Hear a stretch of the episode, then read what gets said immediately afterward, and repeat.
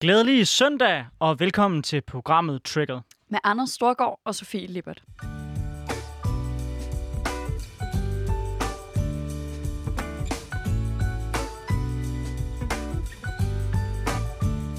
Hold da op, hvor har det været endnu en vanvittig uge i dansk politik. Det er lidt som om, at øh, hver uge den bare er helt, helt vanvittig. Øh, I dag, hvor vi optager torsdag, der er der landet en ny øh, lov om samtykke. Det tænker jeg, at du er øh, helt op at køre over. Det er jeg i hvert fald. Det her det er jo sådan en fed uge, den sidste uge op mod jul, hvor øh, alle de ting, vi har, øh, der sådan har været på den politiske dagsorden i løbet af året, lige skal klappes af. Og i dag er det så øh, langt om længe blevet virkelighed, at vi har en voldtægtslovgivning i Danmark, der er baseret på samtykke i stedet for på vold. Det virker til at være en lille smule svært at være uenig i, og den blev også mig bekendt vedtaget enstemmigt. Er det korrekt? Det er korrekt. Der sad 95 folketingsmedlemmer i salen, og de stemte alle sammen for. Jamen, det er jo fantastisk. Der er noget meget, meget smukt over, at, øh, at det ender sådan, ja. Men, øh, men Anders, der er jo helt sikkert også noget galt, så hvad trigger dig? Jamen, øh, det der trigger mig, det har ja, to ord. Inger Støjberg. Hvor er jeg frustreret over den mængde fake news, der kan komme fra en dansk politiker. Og ikke bare en hvilket som helst dansk politiker, men en dansk politiker, der er næstformand for det største borgerlige parti, Venstre. Jeg synes, det er direkte skamligt. I denne uge, der er kommissionen, der har, der har undersøgt Inger Støjberg, kommet ud med en række konklusioner. Og deres konklusion er sådan set utvetydigt. Inger Støjberg, hun har brudt loven. Hun har handlet ulovligt.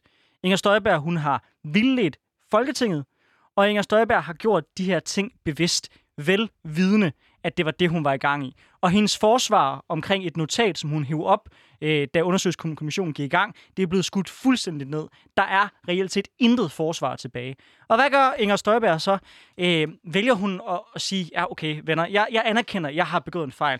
Nej, hun siger, hun tager det til efterretning, og i øvrigt mener hun, at det er spild af penge, at man har brugt de her millioner på at undersøge hendes ulovlige handlinger, og i øvrigt, så synes hun, at det er for forbandet, hvordan at folk kan være, i, kan, kan være imod, at man gør noget ved barnebrud. Og sådan fortsætter hele spintoget bare. Og hvad sker der så? Jamen, så kan man jo forestille sig, at øh, alle borgerlige partier ligesom stod sammen og sagde, ja, det er godt med dig, Inger, men øh, lov og lov, og lov skal overholdes. Men nej, det vi i stedet for ser, det er to kæmpe, kæmpe opportunister. Nemlig Pernille Vermund, og Christian Thulsen Dahl, der straks springer ud i en kampagne om, at danskerne bakker Inger Støjberg op, og der er ikke noget at komme efter, og kommissionen skal skydes ned. Altså, jeg synes, det var direkte chokerende, og det trigger mig fuldstændig. For mig, der er det helt grundlæggende en borgerlig dyd, at man selvfølgelig overholder loven. At vi selvfølgelig overholder grundloven. Og borgerlige politikere, de gør ikke bare, hvad der passer dem, bare fordi de har et flertal for sig. Og hvis man samtidig vil vende sig om og skyde løs på, på de røde og skyde løs på regeringen, fordi de ikke kan finde ud af at have lovhjelm, når de slår mink ihjel, så kan man da som minimum bare have bare en lille smule konsistens, og så sige, at det samme gælder selvfølgelig også i vores egen lejr. Venstre har stadigvæk til gode at gøre op, hvor de står henne. De støtter advokater, undersøger det, og det samme gør konservativ. Men jeg afventer også, at øh, Jacob Ellemann, han rent faktisk træder i karakter som en borgerlig leder og siger, ja, det kan godt være, at mit bagland bliver pisse sure. Ja, det kan godt være, at jeg bliver upopulær blandt nogen. Men Inger Støjberg bliver simpelthen nødt til at træde tilbage. Vi kan ikke have en næstformand, dermed en potentiel fremtidig borgerlig minister, som allerede én gang nu har brudt loven. Inger Støjberg, hun burde tage konsekvensen, og hvis ikke hun kan finde ud af at tage den, så burde resten af det borgerlige Danmark sammen med den røde blok sikre, at der kommer en rigsretssag mod hende. For det hører intet steder hjemme, det som hun har gjort. Så det, der trigger mig, det er Inger Støjberg. Ja, øh, og for en gang skyld er jeg jo helt vildt enig med dig. Jeg kan mærke, at jeg står og bliver sådan helt vred, mens vi snakker om det på ny. Den der følelse af, at jo mere, jo mere jeg sådan skal, skal være bevidst om det, du kalder det et spintog, den måde Inger Støjberg gerne vil have vinklet det her til at være for eller imod barnebrudet, er så, så voldsomt et greb øh, at benytte, øh, at, at man bliver, altså jeg bliver simpelthen så vred helt nede, øh, langt nede i maven. Men, øh, men det kunne have været fedt, hvis der var nogen, der var uenige med os, der ville diskutere det med os. Ja, det vil det. Øh, fordi øh, her er det jo her, vi plejer at præsentere vores gæst, ugens gæst, eller ugens gæster, som kan udfordre os på, på vores standpunkt. Men det har simpelthen ikke været muligt det har simpelthen ikke været muligt for os at opstøve politikere, der vil være villige til at forsvare Inger von Støjberg. Og vi har ellers søgt i rigtig, rigtig mange partier, men det virker til, at det nærmest kun er Pernille Vermund og Christian Thulsen Dahl og Morten Messerschmidt, der er villige til at forsvare Vermund. Og de havde desværre ikke øh, tid og lyst til at deltage i vores program, tror vi ikke. Øh, så vi har forsøgt blandt rigtig, rigtig mange politikere uden, uden held. Øh, og det gør, at det her bliver en lidt sjov debat, fordi nu kan du og jeg så sidde og bash Inger Støjberg sammen, men uden der rent faktisk kommer et modsvar. For mig at se, siger det også en del om, hvor den her sag efterhånden er. Jeg tror, hvis vi havde øh, taget den her debat for en måned siden, så tror jeg, der havde været langt flere, der havde været uenige. Jeg har i hvert fald oplevet de gange, jeg har bragt det her spørgsmål op, og jeg har sagt i andre borgerlige kredse, at jeg mener, det er klart, at Inger Støjberg burde stilles for en rigsret, så øh, er jeg blevet mødt af en mere voldsom reaktion, end jeg er nu. Jeg tror, heldigvis kan man sige, at den er ved at sive ind hos rigtig mange mennesker. Det, der er sket, det er fuldstændig uacceptabelt.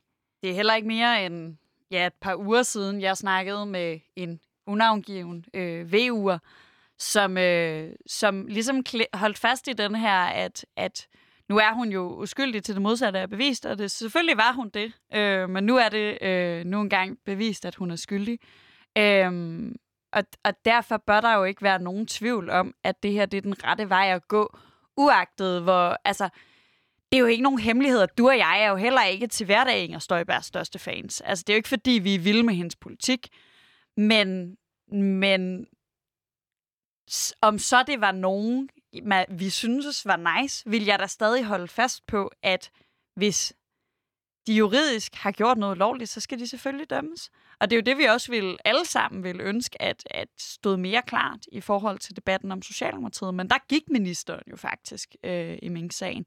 Og der er jo mere, der skal undersøges, og det bliver det. Og hvis vi står i en situation om et års tid, hvor nogen siger, at der er sket noget lovligt der, så selvom det er Socialdemokratiet, og også hvis det er nogen fra SF, så vil jeg da holde fast på, at så skal der være konsekvenser.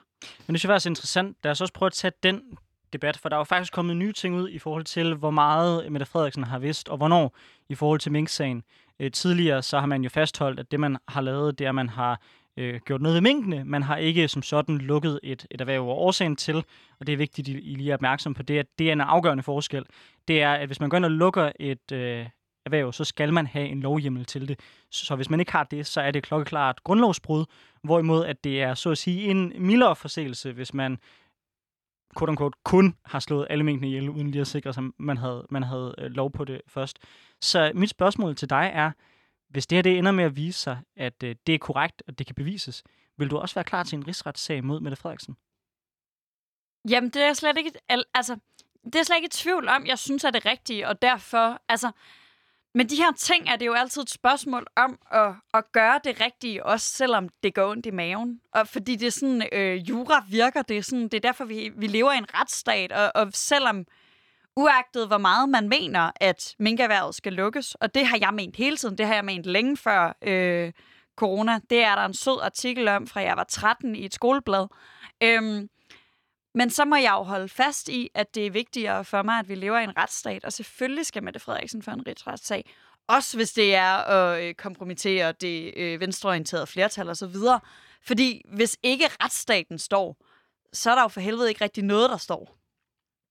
Jamen, øh, det er jeg glad for, at vi er, vi er enige i. Lad os prøve at dykke ned i materien omkring øh, sagen øh, om så Øh, jeg ved ikke, øh, hvor, hvor meget du har været inde i det, men jeg synes i hvert fald også, der er et interessant spørgsmål, som ligger i det. Fordi hvis vi så antog, at der var lovhjemmel til det, så øh, som jeg forstår sagen, så det, som Inger Støjberg jo reelt, set har gjort, det er, at hvor man normalt vil gå ind og lave en vurdering af, hvorvidt at der er øh, tale om en barnebrud, så vælger hun at sige, at alle folk, der er under 18 per definition, øh, skal skilles ad. Det betyder, at hvis øh, der, der er kommet to øh, 16-årige øh, op, der er blevet gift i deres øh, hjemland, fordi de har været kærester og kommer fra en, fra en kultur, hvor det er normalt at blive gift, så siger man, at øh, uagtet det, så skal man tvangsadskilles, uanset hvad. Hvor står du henne i det spørgsmål? Fordi jeg synes, der ligger et indbygget dilemma i det for, for Jeg synes ikke, den er så straight, straight forward, øh, også som jeg giver udtryk for her. Øh, fordi at jeg synes jo grundlæggende ikke, man bør giftes, når man er under 18, og det ser man jo heller ikke i særlig høj grad i Danmark. Det er jo nærmest, jeg, jeg, jeg mener kun, det kan lade sig gøre med kongebrev, og jeg mindes ikke, det er noget, der bliver givet særlig mange af øh, længere, øh, og synes jo egentlig grundlæggende, at folk skal vente til de er 18, men jeg kan også samtidig godt se et argument i, at hvis folk kommer fra en kultur, hvor man har gjort det, og så kommer herop, at det måske er lidt voldsomt med folk, der måske i forvejen er psykisk sårbare øh, og drevet på flugt, øh, så, og, så tvinge dem til at gå fra hinanden. Hvor står du hen? Jamen, jeg tror, en lille detalje er, jeg er rimelig sikker på, at den ene part skal være over 18, men det kan for eksempel være en 17- og en 19-årig, Ja, eller en ja. 16- og en 18-årig. Øh, og i Danmark er det jo i dag sådan, at du kan ikke blive, igen, der skal et kongebrev til for at blive juridisk gift, men du kan sagtens blive religiøs gift, før du er 18. Det er der mange af de øh, frikirker i ej, nu var jeg lige ved at være meget øh, fordomsfuld, men i hovedsageligt Jylland. Øh, jeg er selv fra Jylland. Øh, som, som gifter øh, unge øh, under 18.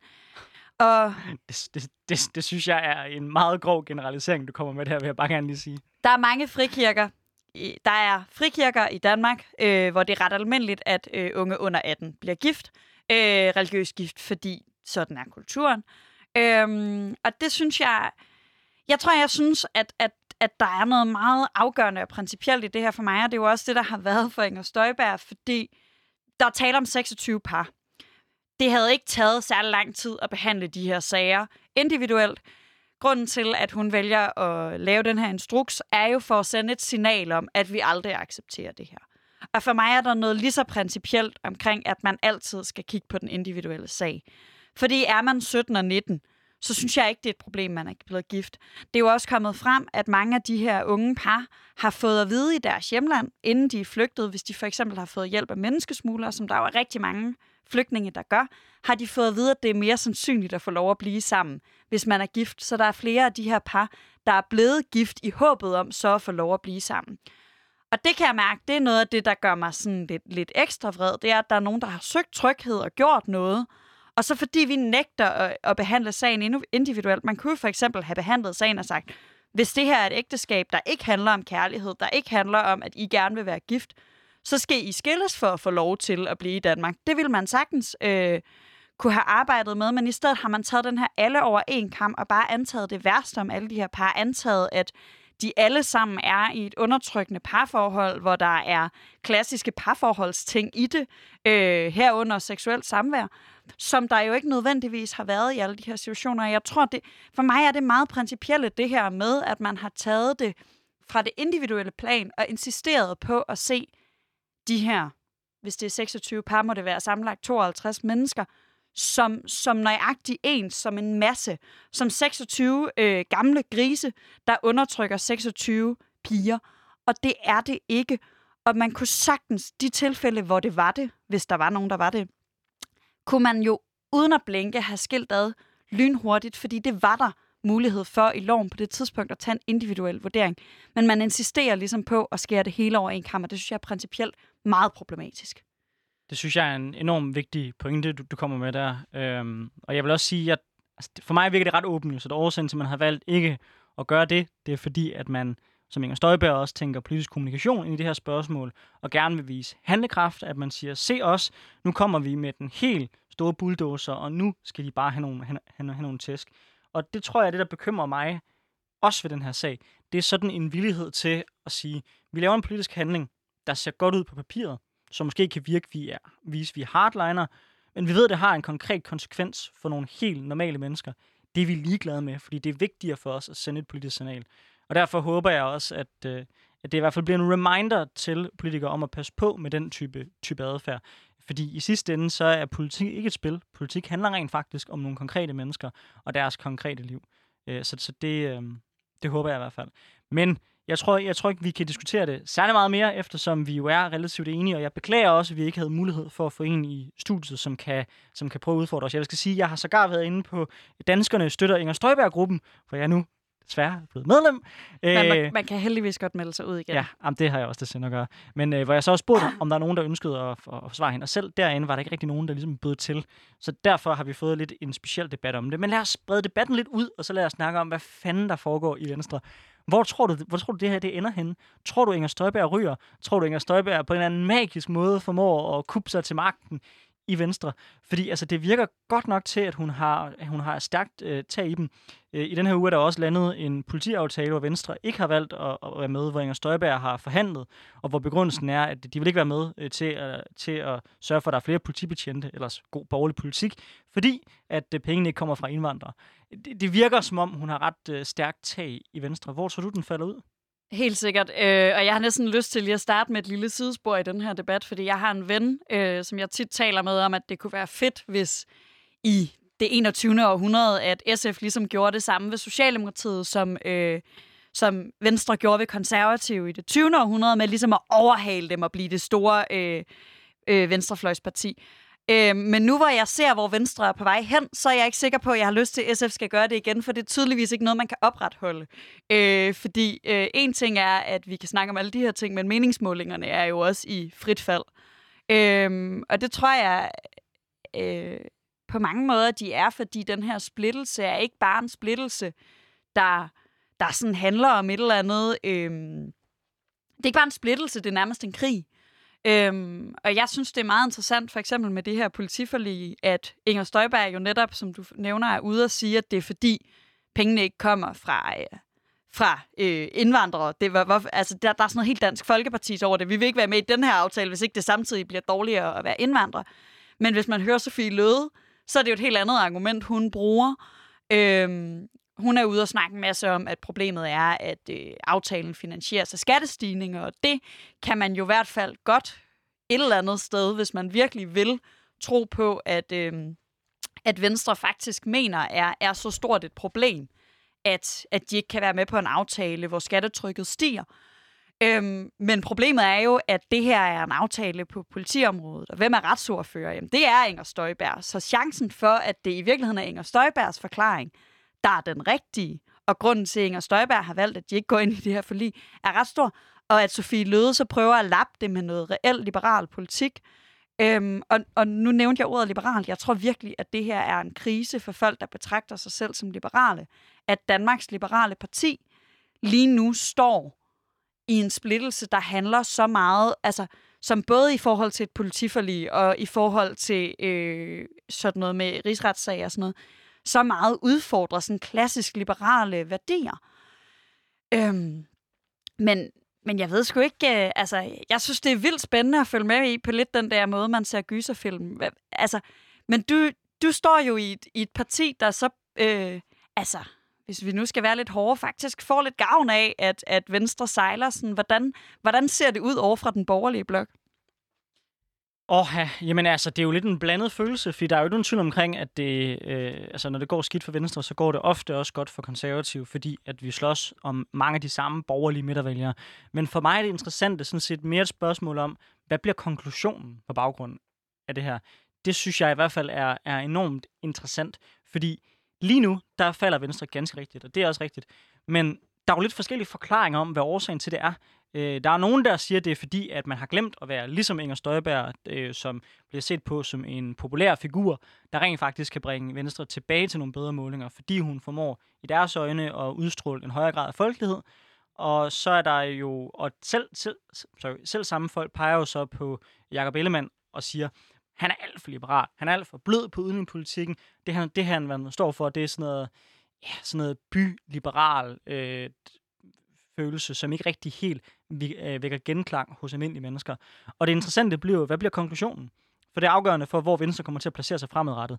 Hvis konklusionen er, at Inger Støjberg begik en bummert, men Ellemanns politiske linje var for svag, og derfor så kultsejlede projektet, jamen så bliver konsekvensen jo, at Venstre rykker ud af mod højre hvis konsekvensen i stedet for er, at det er Inger Støjbergs ballade, og det, at øh, de ikke holder fast i den liberale dagsorden, der gør, at de er faldet, så rykker de ind mod midten.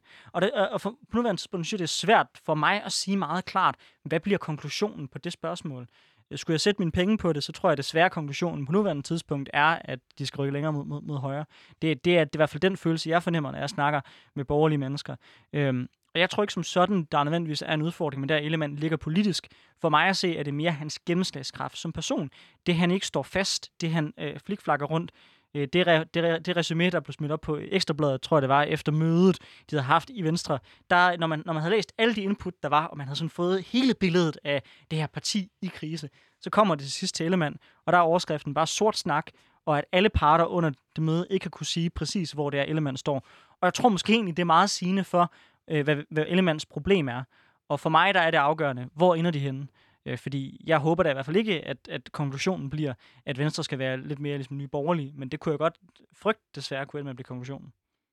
Det tror jeg, du har ret i. Jeg, jeg er sådan en, der, der har meget svært ved øhm, ikke at blande min håb og min, øh, sådan, og hvad jeg regner med sammen. Så, så jeg har sådan lyst til at, at sige, at, at det bliver det andet. Men det er nok også fordi, at de mennesker, jeg kender, har en relation til fra Venstre. Det er typisk dem, der håber, at det ender sådan.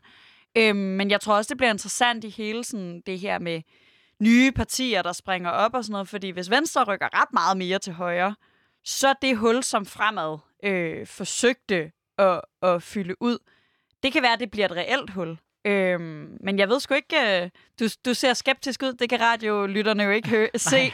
øhm, men jamen, du, du jamen, køber jeg, jeg ikke min analyse. Nej, det gør jeg ikke. Øh, og grunden til, at jeg ikke gør det, er fordi, at der i de borgerlige partier ligger en høj grad af elastik. Altså, konservativ rummer også voldsomt forskellige politiske holdninger til de her spørgsmål, og det samme gør Venstre sådan set også. Så jeg synes egentlig, at de borgerlige partier har været relativt gode til at rumme de uenigheder, der også er. Jeg tror, fremads udfordring, som jeg ser det, var, at der er måske nogle radikale vælgere, som ikke kan tilslutte sig konservativ og venstre, men langt de fleste folk, der er i Venstre og konservativ, og som synes, at tonen nogle gange bliver lidt for hård på indvandringsspørgsmålet, de kan typisk godt finde folk i Venstre og konservativs gruppe, som de øh, nærer sympati for. Mm. Altså, der er bare forskel på, om du er valgt i Venstre og konservativ inde i København, eller om du er valgt ude vestpå. Øh, og, og den forskel, tror jeg, øh, Øh, faktisk i det her tilfælde, vælgerne virker til at være ret gode til at se forskel på. Det er også derfor, at sådan en som Janne Jørgensen, han kan være aktiv i København, hvorimod at Inger Støjberg, hun kan få sine stemmer ned et helt andet sted. Det er jo et tegn på, at vælgerne trods alt også forstår, der er øh, den forskel. Så jeg mener egentlig, at det på nuværende tidspunkt godt kan rummes. Spørgsmålet er så, om det kan rummes på lang sigt. Jamen det er det, jeg tænker, at hvis vi ser et, et Venstre, der faktisk bevæger sig mere over i Inger Støjbergs linje, så er det, jeg begynder at se de her. Fordi jeg, tror, jeg er egentlig enig med dig i, at, at, at der er mange politiske grunde til, at Fremad var et kulsejlet projekt. Det er jo heller ikke ligefrem, fordi det ikke er forsøgt før, det der med at lave endnu et midterparti. Altså, Radikal er jo det parti i Folketinget, der har flest udspringerpartier, øh, og nu har de også en udspringer af en udspringer. Øhm, så det er jo ikke det er jo ikke fordi, der, det ikke er forsøgt rigelige gange, det her med at lave et midterparti. Men hvis Venstre pludselig tager et, et stort skridt mod højre, eller øh, hvad vi nu kalder det, øh, alt efter hvilken aktie vi lige kigger på, men mod et, et mindre liberalt og mere nationalt orienteret øh, øh, i en retning, så tror jeg, at vi snart begynder at få det her hul. Fordi jeg kender sgu mange borgerlige, der ved sidste valg stemte radikale, og ikke føler, at de har stemt på den her regering. Og så kan det også være, at løsningen er, at radikale skal gå mere tilbage til, hvad de tidligere har været, og være et parti, der sådan, måske ligger mere solidt på midten og vipper mere frem og tilbage, end at være så udpræget centrum-venstre-parti, som de efterhånden er blevet. Men jeg tror i hvert fald, at hvis Venstre rykker sig mod højre, bliver der nødt til at ske et eller andet på midten af dansk politik, fordi ellers så er det som om, i stedet for at have to fløje, så ender vi med sådan at have, og der var jeg lige ved at tale meget matematiksprog, men have sådan to mængder, der, der ikke har nogen fællesmængde, altså som bare som er for langt fra hinanden, som er to klumper. Øh, måske, ja. Ja, altså, jeg, jeg mener, at på de her spørgsmål, så er det radikale venstre ikke et centrum-venstreparti. De er meget klart et venstrefløjs øh, mm. parti, så jeg, jeg mener ikke, de udfylder det tomrum på nogen måde i dag. Og min analyse vil være, at hvis Venstre rykker længere mod højre, at så vil konservative gå ind og tage mange af de vælgere. Det tror jeg vil komme relativt naturligt. Også fordi, at mange af de vælgere, der har den her øh, hvad kan man sige, be- bekymring, de søger egentlig også bare stabil borgerlig lederskab. Og selvom Søren Pape måske ligger en lille smule længere til højre, end de vælger at gøre, så tror jeg, at de vil finde relativt sikker havn der. Fordi de trods alt vil tænke, at Søren han ikke er typen, der kommer til at lave nogle voldsomme eksperimenter, eller gøre noget, der, der kommer til at være helt tosset. Så, så jeg, jeg tror, at den dynamik, der er mellem Venstre og Konservativ, gør, at hvis en træder et skridt for langt ud, så det eneste, det gør, det er sådan set bare at åbne mere plads op for den anden. Så, så altså, jeg hører, hvad, jeg hører, hvad du siger. Jeg siger bare, at jeg, jeg, jeg, jeg vil ikke sætte mine penge på et succesfuldt borgerligt parti på nuværende tidspunkt. Nu skal der i hvert fald ske noget, noget voldsomt i dansk politik, jeg ikke lige har gennemskuet, men uh, hey, det skulle ikke være første gang. Jeg tror heller ikke nødvendigvis, at du tager fejl. Jeg tror øh, på mange måder, så kan det godt være, som du siger, at Søren Pape ligger lidt længere til højre end nogle af de her vælgere, men, men for mig er Søren Pape øh, sådan det bedste, den bedste, jeg ved ikke, hvad jeg skal sige, symbol på, den klassisk borgerlig ordentlighed, vi har øh, i dansk politik efterhånden. Altså han, han har virkelig denne her netop, øh, i hvert fald i forbindelse med politiforledet, den her meget med at stå fast, fast på det her med lov og lov og lov skal overholdes. Nu er det spændende at se, hvordan de kommer til at reagere i hele Inger Støjberg rigsretsspørgsmålet, øh, men indtil videre står de jo det samme sted, som de fleste partier står. Øh, så hvis han holder fast i at være den borgerlige ordentlighed der, så tror jeg, du har ret. Øh, eller kan få ret i hvert fald. Jeg regner bestemt med, at øh, mit parti kommer til at gøre det. Og jeg vil bare gerne sige tak for en øh, sådan lidt ad hoc debat, vi måtte, vi måtte få op her, og for gode nuancer. Øh, jeg synes, det var interessant at høre dit perspektiv på det. Vi var jo langt hen ad vejen relativt enige, og jeg håber også, at det er jer, der lyttede med i den her del af Triggeret, I på trods af, at vi ikke havde nogen at skændes med, også følte, at, øh, at man lærte bare en lille smule.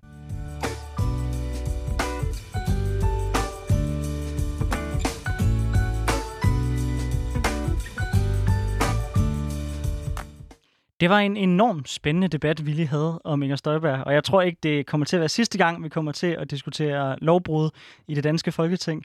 Det virker i hvert fald til, at der er flere politikere, der, der man synes, at det er vejen frem i Men vores gid det var. Ja, givet det var sidste gang. Men øh, det er ikke det, du triggerede over. Men nu glæder jeg mig rigtig meget til at spørge dig, hvad trigger dig, Sofie? Jamen, hvis der er noget, der altid trigger mig, så er det manglende ligestilling. Hvis der er noget, jeg kan blive vred over i mit daglige liv, så er det, at mænd fylder meget mere i den offentlige debat, i vores byrum, i Jamen, i alle steder i vores samfund, på magtens top, øh, alle steder er der flere mænd. Øhm, og for mig er det også nogle gange vigtigt at dykke ned i, hvorfor er det, det trigger mig. Og det trigger mig, fordi jeg er overbevist om, at det faktum, at mænd øh, fylder så meget i den offentlige debat, i byrummet, på magtens top, øh, alle steder, hvor der er mange penge, det er, øh, at mænd har bedre muligheder for at ende der. Det er, at vi har et samfund, der på den ene eller anden måde øh, giver kvinder dårligere vilkår for at nå hertil.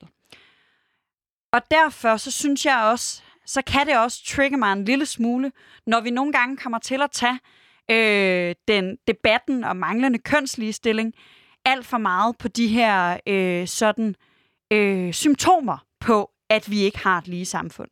Når vi kommer til at snakke for meget om, at det er et symptom på, at vi ikke har et lige samfund, når øh, der er, øh, hvad hedder det, alt for mange statuer af mænd, og stort set ingen af kvinder, meget få af navngivende kvinder, dem der er kvinder, det er nøgne kvinder uden navn.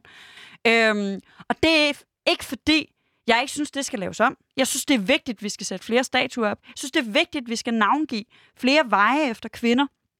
Men det synes jeg, vi skal for at understrege, at kvinder nu er nået til tops. At kvinder nu fylder mere. Jeg synes, vi skal gøre alt, hvad vi kan for at øge repræsentation af kvinder og øge øge, øh, hvad hedder det? Jamen øge de kvinder, der, der når de ting, som vi tidligere har, har hyldet mænd for. Øh, og jeg synes, det er problematisk, når folk fejer debatten af bordet om øh, for eksempel vejnavne med at sige, at det er fordi, øh, jamen, at dengang var det jo bare mænd, der var, så, var på toppen, og derfor er det dem. Jeg synes, det er fair at tage debatten, men jeg kan også blive en lille smule triggeret over, når vi ender med at tage debatten om de her symptomer. Når vi for eksempel snakker om lyskryds, fordi jo, at det er en mand, der er på lyskrydset, det er, fordi vi ser manden som default, som det automatiske, som standarden, som udgangspunktet. Klassisk øh, analyse af Simone de Beauvoir, hvis nogen øh, nørder sådan noget, at kvinden altid er det andet, og manden er standarden. Men jeg tror bare, at det er et symptom, og jeg tror ikke, vi løser noget lige nu ved at lave det om. Jeg vil meget hellere have, at vi dykker ned i strukturerne. Og det er det, der trigger mig i den her uge. Halvt, at vi ikke har ligestilling, men også, at når vi så snakker om ligestilling, så snakker vi om noget, som jeg er bange for ikke kommer til at rykke. Altså, jeg tror, jeg har en ret klassisk konservativ position på det her spørgsmål. Øh, til, til dem af jer, der ikke ved det, så er jeg jo tidligere landsmand for konservativ ungdom. Øh, så det ville da også være ret oplagt, at jeg har det sådan. Jeg, det, jeg synes jo, at det er naturligt, at øh, den historie, der omgiver os, øh, de veje, de slotte, vi har, und so weiter, at det afspejler det samfund, der var i gamle dage. Altså, det synes jeg giver enormt god mening, fordi det er et levn fra en tid, hvor ting var sådan. Og i det ligger der jo også, synes jeg, en lærestreg om, hvad er det så også, vi ønsker, der skal gøres anderledes i fremtiden. Og jeg synes jo, det er kanon, hvis vi fremadrettet, når vi navngiver veje, også har i vores hoved, har vi ikke nogen stærke, nogle dygtige kvinder, der, der, vil, være, der vil være oplagt det her. Jeg er selv blevet politisk aktiv på grund af fantastiske Connie Hedegaard. Jeg synes, det, det kunne da være enormt lækkert, hvis Frederiksberg fik en Connie Hedegaard-gade. Det vil jeg da ikke på nogen måde være ked af. Øhm, men jeg synes, det er et problem, når ligestilling bliver gjort op til spørgsmål om det. For selvom, det, for selvom symboler er vigtige, så tror jeg i virkeligheden, at det rykker enormt lidt, øh, hvorvidt vi har et lyskryds eller et øh, vejnavn, der afspejler køn.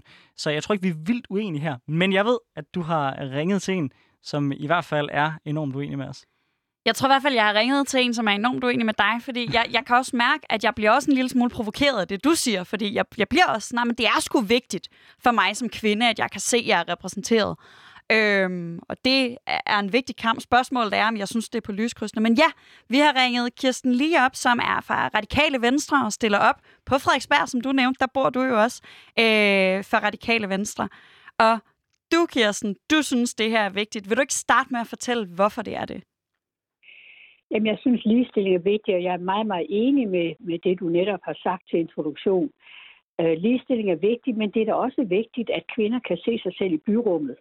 Og jeg kan ikke forstå, at øh, vi for eksempel på Frederiksberg ikke skulle have øh, en Anna Ankersvej. Anna Anker, hun har boet på Frederiksberg, og hun er en af vores mest fremmeste kunstnere. Hun burde da have en nav- vej navngivet efter sig.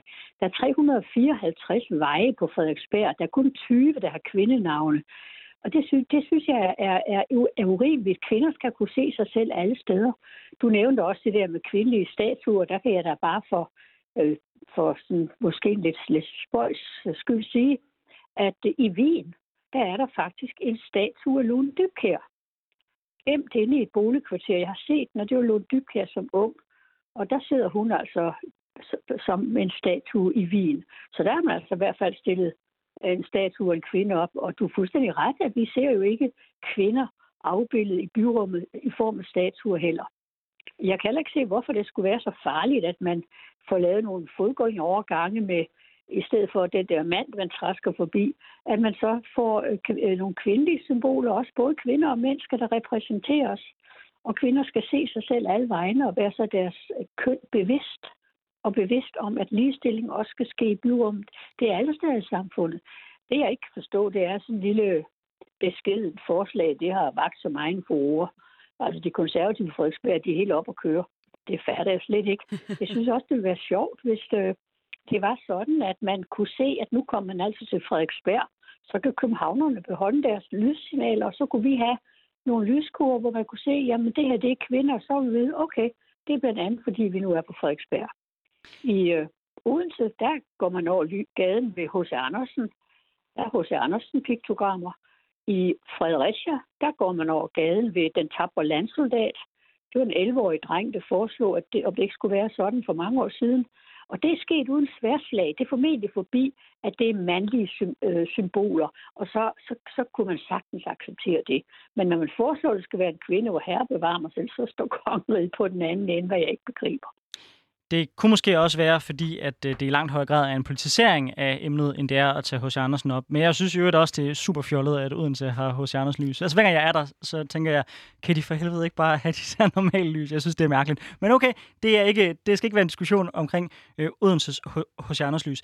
Altså, hvis du gerne vil stille en statue op af Lone Dybkær, så må jeg indrømme, jeg forstår ikke, hvorfor det er, at du så ikke i stedet for er kommet med en masse forslag, som kommunalbestyrelsen har mulighed for at kunne tage ind i overvejelser, når de laver øh, nye vejnavne, stiller nye statuer op, og på den måde bibringer noget nyt til bybilledet. Altså jeg tror ikke, jeg forstår behovet for at gå ind aktivt med tilbagevirkende kraft og begynde at ændre nogle af de ting, der allerede er blevet ændret. Hvad, hvad har dine ja, egne refleksioner været for til? Jeg har aldrig sagt, at det skulle være med tilbagevirkende kraft, og jeg har heller aldrig sagt, som nogen har skudt mig i skoene, at det burde være halvdelen af byvarmen. Det burde da være ideelt, men fremadrettet bør man simpelthen sikre, at, at der også bliver kvindelige vejnavne. Der er masser af fremtrædende kvinder, som fortjener at få deres øh, navn på, på en gade.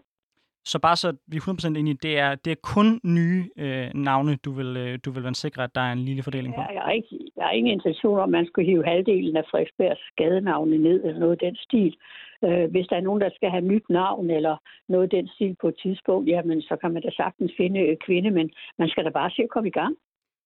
Jamen, det er jo, jeg, jeg synes, det er vildt. Øh, altså, jeg synes, der er noget interessant over at høre det her. Jeg synes, du, en pointe, jeg, jeg griber fat i, er det her med, at du siger, at du forstår ikke, det, at sådan et lille forslag har skabt så meget for røre. Og jeg tror, jeg tror i virkeligheden, det er det, der, gør, der trigger mig.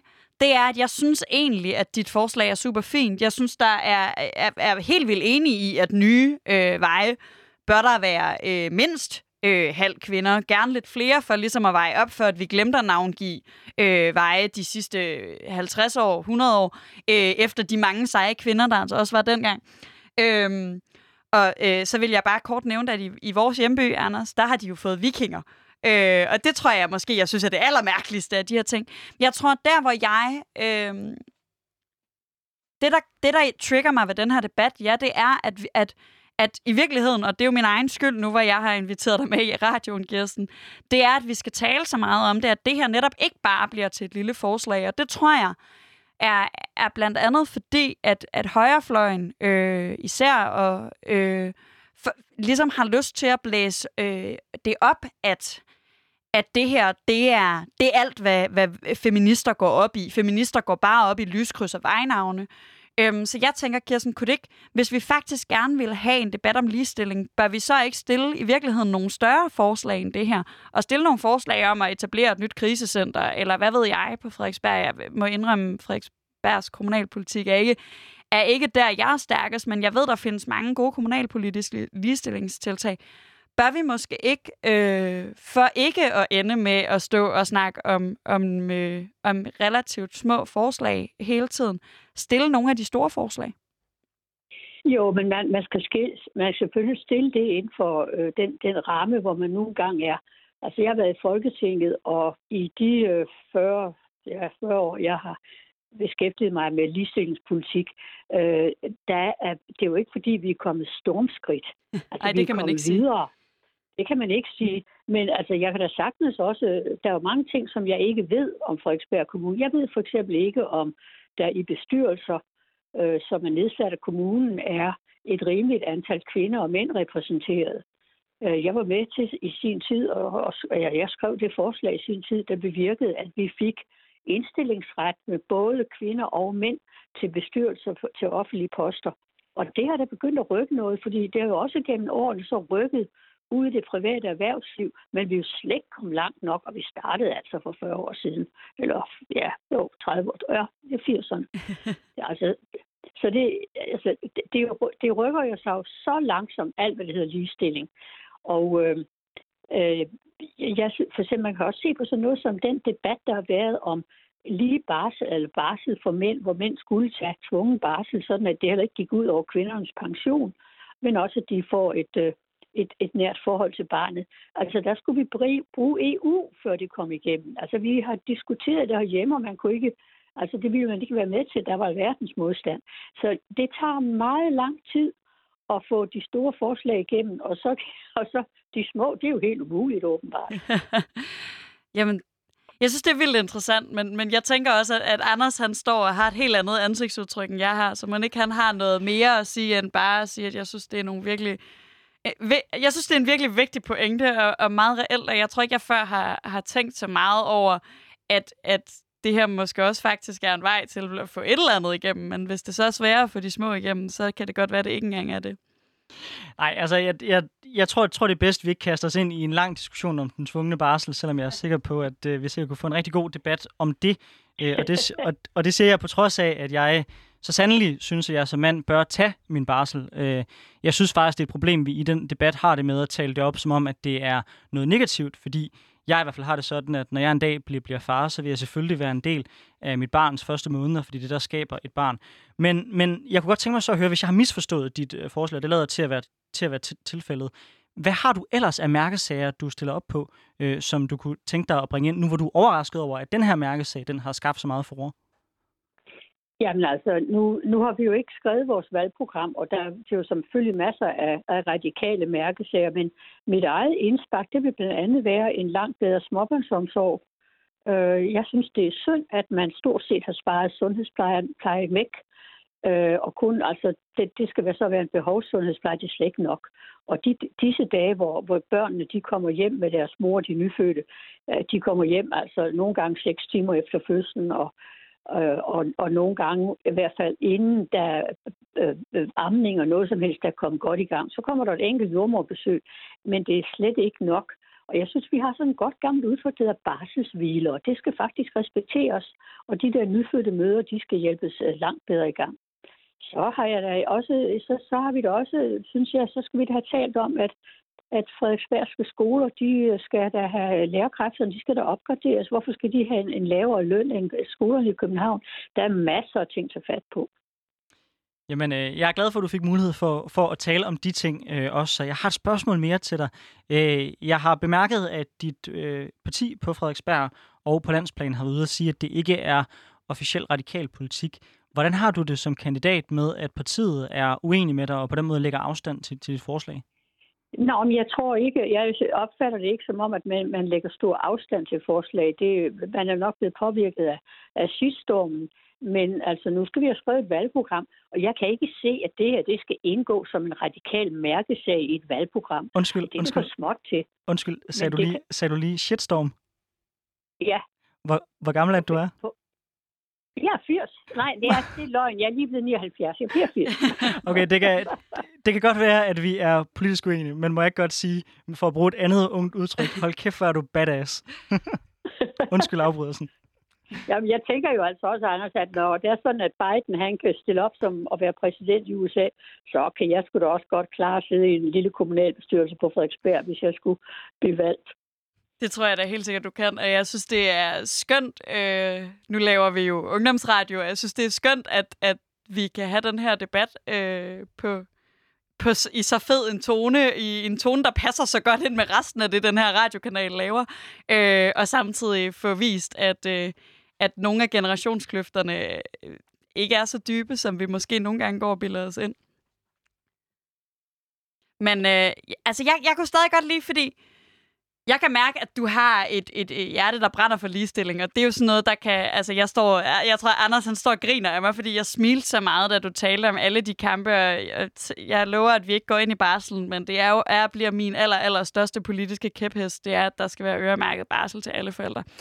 Men men jeg kunne godt tænke mig, sådan, øh, nu snakker vi kommunalpolitik, og jeg, jeg, jeg er all for det med øh, nye vejskilte, og så kan vi diskutere, øh, om når vi alligevel skifter øh, trafiklysene ud, om vi så skal skifte dem ud med noget andet. Men, men har, altså, hvordan får, vi, hvordan får vi ligestillingspolitikken ind på det, på det kommunale område? Er, er det er det kun den her type forslag, vi kan lave, eller, eller tror du, man sådan kommunalpolitisk... Jeg ved også, der er mange unge, der har svært ved at engagere sig i kommunalpolitik, fordi man mest går op i, i nogle ting, der måske typisk er landspolitik. Øh, tror du, der er nogle, altså er der nogle klare ligestillingspolitiske kampe, vi kan tage kommunalt, øh, som måske kan engagere øh, nogle af de mange unge, der går meget op i ligestillingspolitik? Ja, vi skal da se på for eksempel fordelingen af øh, ledere i, øh, i kommunens øh, top, topstillinger. Hvordan er fordelingen der? Øh, er kvinderne også stærkt underrepræsenteret? Det ved jeg faktisk ikke, hvordan det ser ud på Frederiksberg, og det vil jeg på nuværende tidspunkt jo ikke kunne få et svar på. Jeg har ikke nogen ret til at spørge øh, forvaltningen om noget som helst. Øh, og jeg mener altså, jeg mener kvindelige topledere, fordi det er jo helt klart, at kvinderne dominerer jo som ledere i børnehaver og og, og vel efterhånden også på, på skoleområdet. Øhm, så, men altså, der, der er masser af ting, som, som man, man kan se på i den sammenhæng, øh, som man også kan gøre kommunalt. Og det er jo også en del af FN's verdensmål, at, øh, at ligestilling er et bedst FN's verdensmål, og det gælder selvfølgelig også til kommunalt niveau.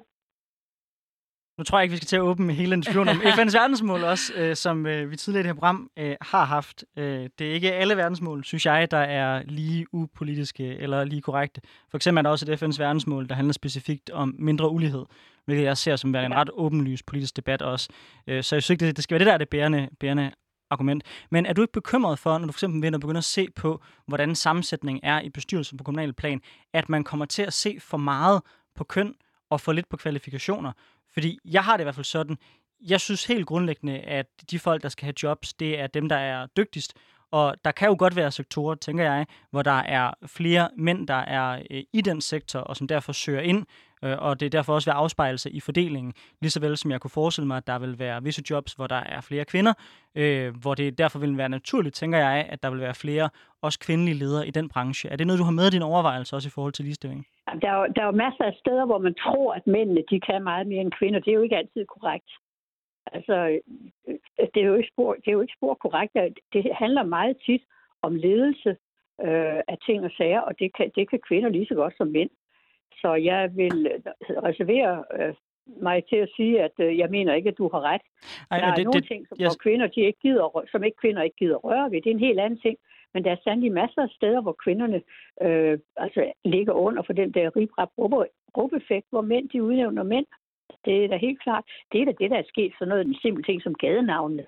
Men de kan slet ikke forestille sig, at kvinder de også kunne, altså det er ikke en del af deres verdensbillede, at øh, fremragende kvinder skulle, skulle have et vejnavn. Ja, altså jeg, jeg synes, det du udsætter mig her for, det er vist det, man på dansk kalder for en stråmand. Øh, for jeg har ikke sagt, at kvinderne skulle være mindre dygtige. Jeg sagde, at der kunne være brancher, hvor der var forskellige forskelle på, hvor det var, folk var aktive. Det vil sige, øh, ja, for eksempel så nævnte du øh, pædagoger og skolelærer. Der kunne jeg forestille mig, at der typisk ville være flere kvinder. Hvorimod, at der er andre brancher, som for eksempel murer, øh, hvor det, der nok ikke øh, vil være den samme mængde kvinder. Så det er ikke dermed sagt, at mænd er bedre til det. Det er mere at sige, at der kan være forskel på, hvilke brancher det er, folk de er aktive i. Forhold til det med, med navneskiltene, så tænker jeg i stedet for, at det egentlig også afspejler netop den tid, man var i. Altså, de fleste af vores helt gamle ting er jo også opkaldt efter konger.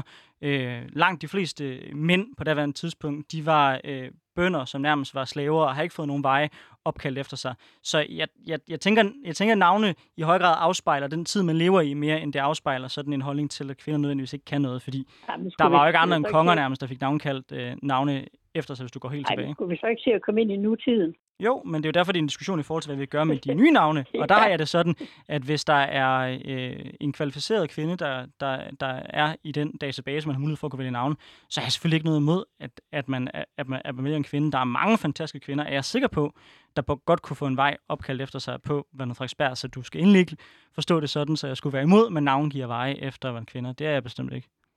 Ja, det er godt. Men altså, den der debat, du rejser med øh, forskellige fag, altså nu er det jo ikke et spørgsmål om en bestyrelse, der lige bestemt har med murer at gøre. Øh, men jeg kan da sige, at jeg synes, at det er interessant at se, hvordan her i de senere år, hvor mange kvinder, man kan se, er blevet malere. Der er jo rigtig mange kvinder, der er malere efterhånden. Altså, om man så må sige, øh, håndværksmalere, ikke kunstmalere, men malere. Der er rigtig, det er, blevet et, et, et, det er da også blevet en del af kvindefag. Der er helt klart... synes jeg, hvad siger du? Ja, jeg vil bare sige, at der er helt klart nogle, nogle afledte debatter af det her, der for eksempel ja, handler om, jamen skal vi også have gjort op med det kønsopdelte arbejdsmarked, måske i stedet for at, at acceptere, at der altid sidder mænd eller kvinder på nogle bestemte ledelsesposter, så måske gøre op med, at, at kvinder og mænd, øh, hovedsag, altså at vi har et kønsopdelt arbejdsmarked, øh, som jeg jo tror er en, en vigtig politisk kamp de kommende år. Ja, det er jo, det er, altså, det er jo en rigtig gammel diskussion. Øh, jeg fik for, forleden dag, der fik jeg at vide, at øh, i, i begyndelsen af 1900-årene, øh, der begyndte man jo i Aalborg og i Aarhus at få kvindelige politibetjente under kæmpe, temmelig stor debat. Men det var først helt hen i 1922, at, accepte, at Frederiksberg for eksempel fik de første kvindelige politibetjente. Og jeg ved ikke, nu er jeg en del ældre end jer, tror jeg nok, for I er, I er unge politikere. Men altså, da vi fik den første kvindelige præst i Danmark, du gode givet, altså, altså, der var jo flere biskopper, der var jo ved at omkomme. Og der findes jo der i dag, så vidt jeg ved, i blandt andet innovationske kredse, der findes der jo mandlige præster, der ikke vil hilse på en kvindelig præst. Altså, så hele den her debat, den er tussegammel, og vi, er- vi er slet ikke i mål. Kirsten, det... Jeg synes, jeg synes, jeg synes igen, altså jeg, jeg hører, hvad du, hvad, hvad du siger, men jeg er simpelthen fundamentalt uenig med dig. Og det er, fordi jeg synes, der er enormt stor forskel på, at man åbner op, for eksempel for at kunne sige, at øh, kvinder skal også have mulighed for at blive præst, sådan så hvis der er en dygtig kvinde, der ønsker at være præst, og nu ikke bliver holdt tilbage på baggrund af hendes køn, der er forskel på det, og så at hvad, sige, vi vil gerne sørge for, at, øh, at mængden af præ- præster er halv-halv mand og kvinde. Jeg synes, der er enormt stor forskel på de to ting, og at sige, at det er det samme, og derfor er debatten tusse gammel, synes jeg simpelthen er at skyde forkert, fordi for mig har jeg det sådan. Jeg synes, det der er det afgørende i ligestillingsspørgsmålet, det er, er der kvinder, som møder nogle barriere, hvor de bliver uretfærdigt behandlet på baggrund af, at de er kvinder. Hvis det er tilfældet, så er jeg generelt rigtig åben over for, man ser for at gøre noget ved det. Fordi jeg synes ikke, man skal mødes med, med, med hårde vilkår, fordi man er kvinde. Men jeg tror, der hvor du og jeg, men jeg tror, der hvor du og jeg, vi går fra hinanden, er, jeg har ikke et erklæret mål om, at der skal være lige mange håndværkere, der er mænd og kvinder, lige mange pædagoger, der er mænd og kvinder, og lige mange mænd og, og kvinder, uanset hvad det er, man ser på. For mig er det vigtigt, at folk ikke bliver holdt tilbage af deres køn. Ikke at der er lighed mellem kønnene i de valg, som man ender med at tage, så længe man gør det frit. Jamen, jeg har ikke et mål om, at der skal være lige mange murer, eller der skal være lige mange af det ene og det andet. Det er slet ikke det. Det, skal være, det, skal, det der er målet, synes jeg, det er, at kvinderne får adgang. Altså, på universitetsverdenen, den er der i høj grad præget af mandlig dominans på, dominans på, på, øh, altså på, på professorniveauet. Og øh, det er interessant, synes jeg nu, ikke fordi jeg har lyst til at drage MeToo-debatten ind i det her, men det er jo interessant at sige, at de der kvinder, øh, de øh, skulle udsætte sig for alverdens ting og sager, fordi det skulle være karrierefremmende for dem. Det var ikke bare deres kvalifikationer som forskere. Det var jo tydeligt oplyst i den debat, der har været. Det var ikke bare deres kvalifikationer som forskere og fagfolk, der kunne fremme dem. Der skulle åbenbart også bruges, og jeg må så sige, øh, seksuelt, øh, seksuelle overgreb fra mænds side for at, at øh, altså som en trussel mod, at hvis du ikke gør det her, så fremmer vi ikke din, øh, så fremmer vi ikke din karriere. Altså det synes jeg, det er jo, det synes jeg er et grotesk eksempel, men det er et godt eksempel på, at kvinder bliver holdt tilbage. Tusind tak, Kirsten, fordi du vil være med i dag. Jeg kan mærke, at øh, du og jeg er i virkeligheden ikke særlig uenige om noget af det her, og bare klar til at tage mange af de her kampe, og så kan jeg se på Anders, han har det lidt mere stramt. Men tusind tak, fordi du vil deltage i vores program igen. Det har virkelig været, eller i dag, det har virkelig været spændende at have dig med. Jeg tror i hvert fald ikke, der er nogen tvivl om, at du har fået dig en fan her i studiet, om ikke andet. Tusind tak for en rigtig, rigtig god debat, jeg, Kirsten. Jeg tæller alt, hvad jeg kan få. Kan I have det rigtig godt? Nå, Sofie, det, øh, det virkede til, at øh, selvom du egentlig startede med at være trigger den debat, så virkede det til, at du nærmest øh, blev fan, da vi var, da vi var færdige. Øh, så jeg tænker, det er et tegn på, at der har været en god debat. Og jeg tror, jeg havde sådan lidt følelse af, at der er simpelthen for mange steder, hvor der er ting, vi kan diskutere her. Så jeg prøver lige at skære det så meget ned, som jeg overhovedet kan. Jamen, sandheden er jo nok også, at, at hele debatten om vejnavne har jeg taget dengang. Jeg har lavet en masse kommunalpolitik i Aarhus, øh, og blandt andet været med til at skubbe på for, at øh, byrådet blev nødt til at omgøre deres beslutning, fordi de i et helt nyt område havde øh, lavet øh, tre fjerdedel mandlige navne og 25 procent kvindelige. Nå, men øh, der kommer jo dage efter i dag, og selvom julen nærmer sig, øh, så kan det være, der når at ske lidt politisk. Hvad, hvad, vi er jo først tilbage øh, efter nytår, men Anders, hvad regner du med, der kommer til at ske politisk de næste, den næste tid?